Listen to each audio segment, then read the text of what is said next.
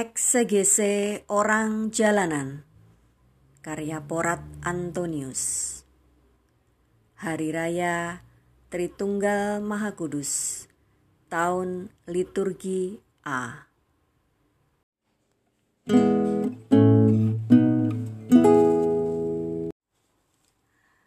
Banyak sudah diskusi bahkan perdebatan tentang konsep Tritunggal Maha Kudus di antara umat Kristen.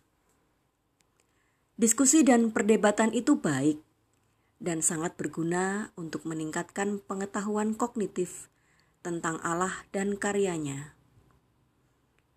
Tetapi pengetahuan seperti itu tidaklah cukup untuk hidup sehari-hari, apalagi untuk hidup dalam sukacita dan damai, dalam kebersamaan dengan orang sederhana yang tidak mampu memahami konsep-konsep diskursus tentang Tritunggal Maha Kudus.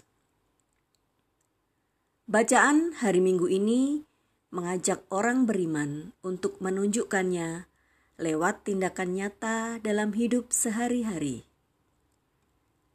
Gambaran Allah yang disampaikan melalui kitab suci hari Minggu ini adalah Allah yang penyayang, pengasih, panjang sabar. Allah yang demikian itu datang menemui manusia sendiri. Yang akan mengalami Allah yang penyayang itu adalah yang percaya, sekalipun sebelumnya berjalan dalam kegelapan atau mengalami tegar tengkuk, karena yang percaya akan diselamatkan dan akan mengalami hidup kekal. Ciri manusia yang percaya pada Allah itu digambarkan sebagai yang bersuka cita, hidup sempurna, sehati sepikir, dan damai. Yang jahat tentu tidak demikian, penuh ketakutan, iri hati, bersedih hati, dan tidak damai. Orang beriman adalah orang yang percaya, tetapi percaya pada Allah tidak sama dengan tahu bahwa Allah itu pengasih, penyayang, panjang sabar, atau tahu bahwa Allah mengutus putranya ke dunia untuk menyelamatkan dunia juga tidak sama dengan berpengetahuan secara kognitif tentang yang baik dan yang jahat. Itu tidak cukup sebagai orang yang sungguh percaya. Sesuai bacaan hari Minggu ini, orang yang percaya itu antara lain naik ke atas Gunung Sinai untuk bertemu Tuhan, mengalami kasih Tuhan, dan mendengar perintah Tuhan. Paulus di satu pihak menunjukkan bahwa orang beriman yang sungguh percaya adalah orang-orang hidup bersuka cita dan menyebarkan sukacita, sehati sepikir dalam tindakan, damai, dan hidup sebagai contoh damai dalam hidup bersama. Orang beriman diminta untuk tampil sebagai model sehati sepikir model sukacita, dan model hidup dalam kedamaian. Hidup sehari-hari sesempurna itulah bukti nyata bahwa orang beriman itu adalah orang yang sungguh percaya pada Allah. Tanpa hidup seperti itu, orang beriman dianggap sebagai orang sakit jiwa yang rajin berbicara tentang Tuhan dan mewartakan Tuhan dan kasihnya sementara hidupnya sendiri syarat dengan konflik, duka cita, dan tidak panjang sabar. Bagaimana orang lain akan percaya?